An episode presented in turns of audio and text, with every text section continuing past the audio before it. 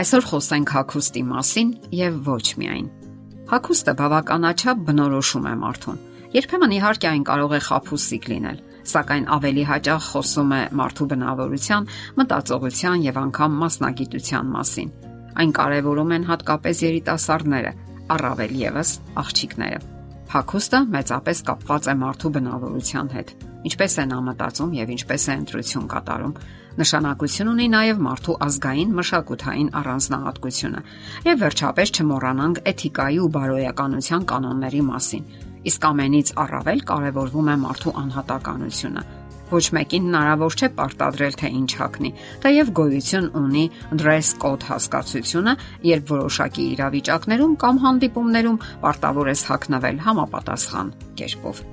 Այսօրվա մեր թեման վերաբերում է երիտասարդ աղջիկների հագուստին։ Գաղտնիք չէ, որ նրանք սիրում են գեղեցիկ Երևալ, Երևալ կանացի եւ հրապուրիչ, անգամ գայթակղիչ, ինչի համար կարևորվում է հատկապես նրանց հագուստը։ Նրանք հաճախ հագնում են կարճ շրջազգեստ եւ դա աննկատ չի մնում, չի վրիպում տղամարդկանց աչքից։ Ոմանք ասում են, որ նման հագուստը հրահրող է, ուշադրություն գրավող եւ ցանկալի չէ այդպես հագնվել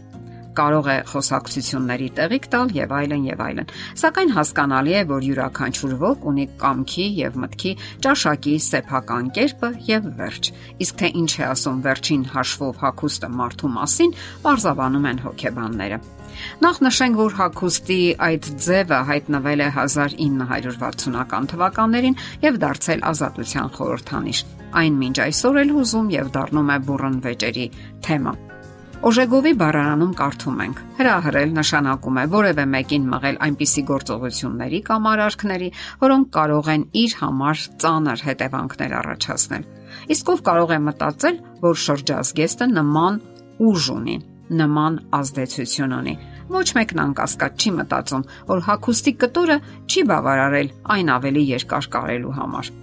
Հոգեբաններն ասում են, որ ինչպես սանրվածքն ու դիմահարդարումը, խոսքերն ու արարքները, այնպես էլ հակոստը ինքնադրսևորման միջոց են, որոնք ցույց են տալիս, թե ինչն է առաջնորդում մեզ ինչն է դրթում մեզ գործողության։ Ընտրելով իրեր կամ հակոստներ, որոնք ընդգծում են մեր մարմնաձևերը, մեր արժանինքները, մենք կարող ենք հասկացնել տալ, որ ցանկանում ենք ուշադրություն գրավել, ցանկություն առաջացնել, հետաքրքրություն բորբոքել։ Սակայն միանգամայն հնարավոր է, որ դա մեր ցանկությունը չէ, Ահա այստեղ է թաքնված հարցի առաջնայինությունը։ Թեև մենք ինքներս կառավարում կամ վերահսկում ենք մեր ուղերձները, անխուսափելիորեն դառնում ենք ուրիշների ուշադրության կիզակետը եւ երևակայության առարկան, այդ թվում էրոտիկ երևակայության առարկան կամ խաղերի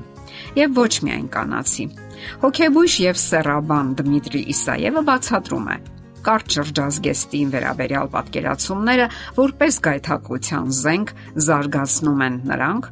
որոնց հարազատ է տղամարդու եւ կնոջ միջև հարաբերությունների նահապետական հայացքը։ Այդ համակարգում տղամարդը հարաբերությունների սուբյեկտն է կամ նախաձեռնողը, իսկ կինը առարկան, որը գրավում է տղամարդուն, եւ դա հավանաբար նրա հիմնական արժեքն է։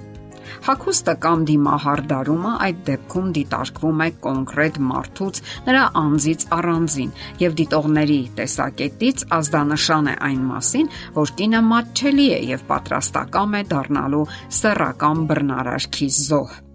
Այս դեպքում ստացվում է, որ տղամարդիկ պարզապես արուներ են, որ առաջնորդվում են բնազդներով եւ ընդունակ չեն տիրապետելու իրենց, քանի որ միայն շրջազգեստը արդյոք բավական է, որ նրանց զրկի ինքնատիրապետումից։ Հոգեվերլուծաբան Քեթրին Բլանը parzabanum է։ Հարցն այն է, որ մեզ բոլորիս, թե տղամարդկանց եւ թե կանանց, դժվար է հանգիստ ընդունել մեր սեռականությունը։ Արդյոք ցանկության ուժի հանդեպ վախը չէ, որ տղամարդկանց մղում է կանանց վրա դնել սեփական սեռական իմպուլսների պատասխանատվությունը։ Եվ արդյոք այդ նույն բանի մասին չէ խոսում կանանց պատրաստակամությունը ինքնա սահմանափակման ենթարկել իրենց։ Եվ արդյոք նույն բանի մասին չի խոսում կանանց պատրաստակամությունը իրենց ինքնասահմանափակման ենթարկելու առումով։ Ինքնասահմանափակում առավել հայտնի է ցենզուրա տերմինով։ Կինը համաձայնում է ճնշել իր հակումը եւ կարճ շրջազգեստը համարել հակոստի անթույլատրելի ձև, միայն թե ինչ որ մեկը չդատապարտի իրեն, իսկ ամենից առաջ, որpիսի ինքն իրեն մեղավոր չհամարի։ Հոգեբույժ եւ սեռաբան Դմիտրի Իսաևը նշում է. Եւ այնուամենայնիվ ժամանակակից մշակույթի համատեքստում խոսել այդ եվրոպական նորաձևության սովորական տարրի մասին որպես էրոտիկ ազդանշան նույնքան անհեթեթ է որքան դիտարկել թե արդյոք որոշ աֆրիկյան ցեղերում կանայք չեն մերկացնում կրսկագեղձերը որpիսի հրահրեն։ Մեր ժամանակներում հակոստը չէ որ խոսում է այդ մասին, այլ այնպիսի հուզական ու վարքագծային ազդանշաններ, ինչպիսիք են ժպիտը, հայացքը, գլուխը հակելը կամ մարմնի շարժումները։ Դրանք են, որ խոսում են կնոջ, տղամարդու հետ հարաբերություններ հաստատելու կամ մերժելու մասին։ Սոցիալական կյանքում մենք սովորում ենք ճանաչել այդ ոչ բառային ազդանշանները եւ համապատասխան ձևով պատասխանել դրանց։ Իսկ եթե չենք կարողանում կամ չենք ցանկանում տեսնել մեկ ուրիշ մարդու մեջ նրա անձը եւ անհատականությունը, ապա դա նշան է այն բանի, որ մենք հակված ենք սեռական բռնության եւ անընդունակ ենք հաստատել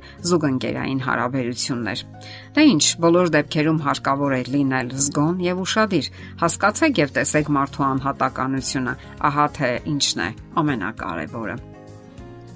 Եթերում է ճանապարհ երկուսով հաղորդաշարը։ Հարցերի եւ առաջարկությունների համար զանգահարել 033 87 87 87 հեռախոսահամարով։